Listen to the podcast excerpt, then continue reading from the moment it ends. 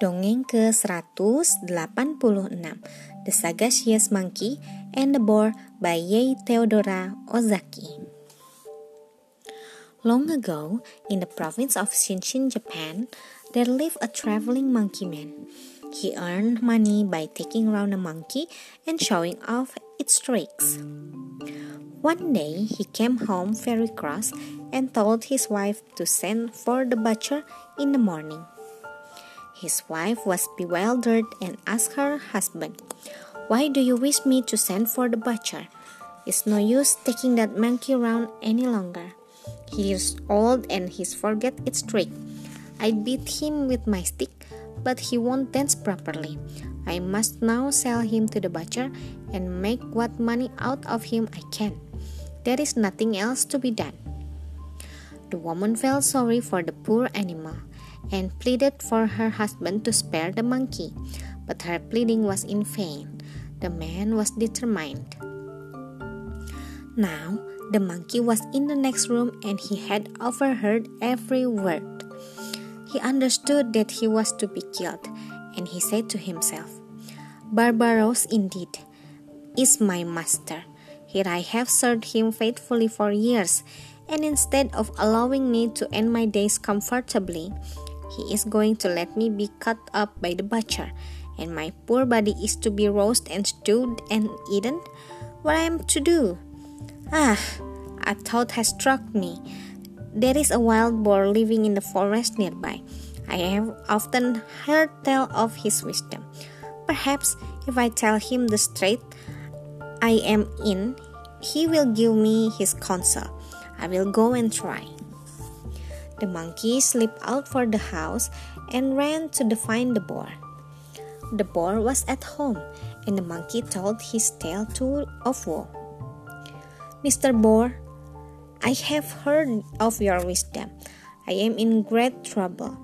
I have grown old in the service of my master, and because I know cannot dance, he intends to sell me to the butcher. What do you advise?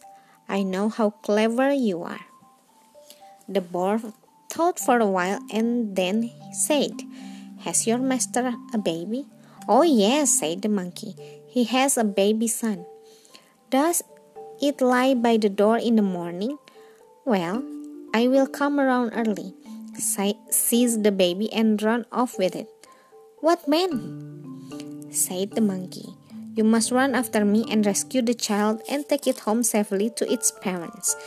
When the butcher comes, they won't have the heart to sell you. The monkey thanked the boar and went home.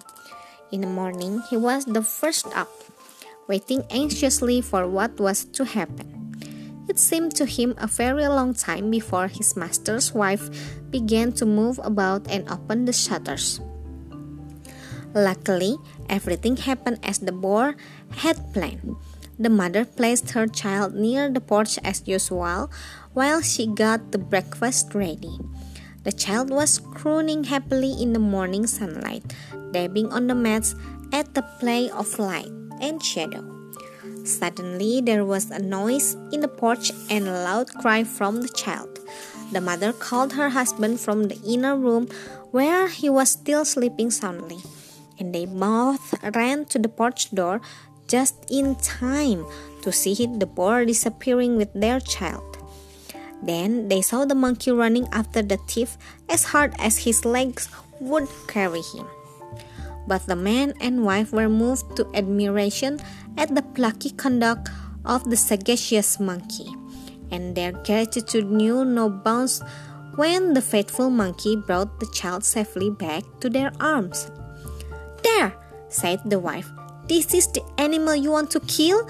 If the monkey hadn't been here, we should have lost our child forever.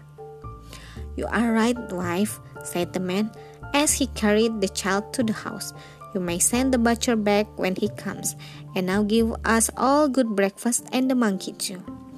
When the butcher arrived, he was sent away with an order for some boar's meat for the evening dinner and the monkey was pet and lived the rest of his days in peace, nor did his master ever strike him again. Sekian, terima kasih telah mendengarkan. Selamat malam.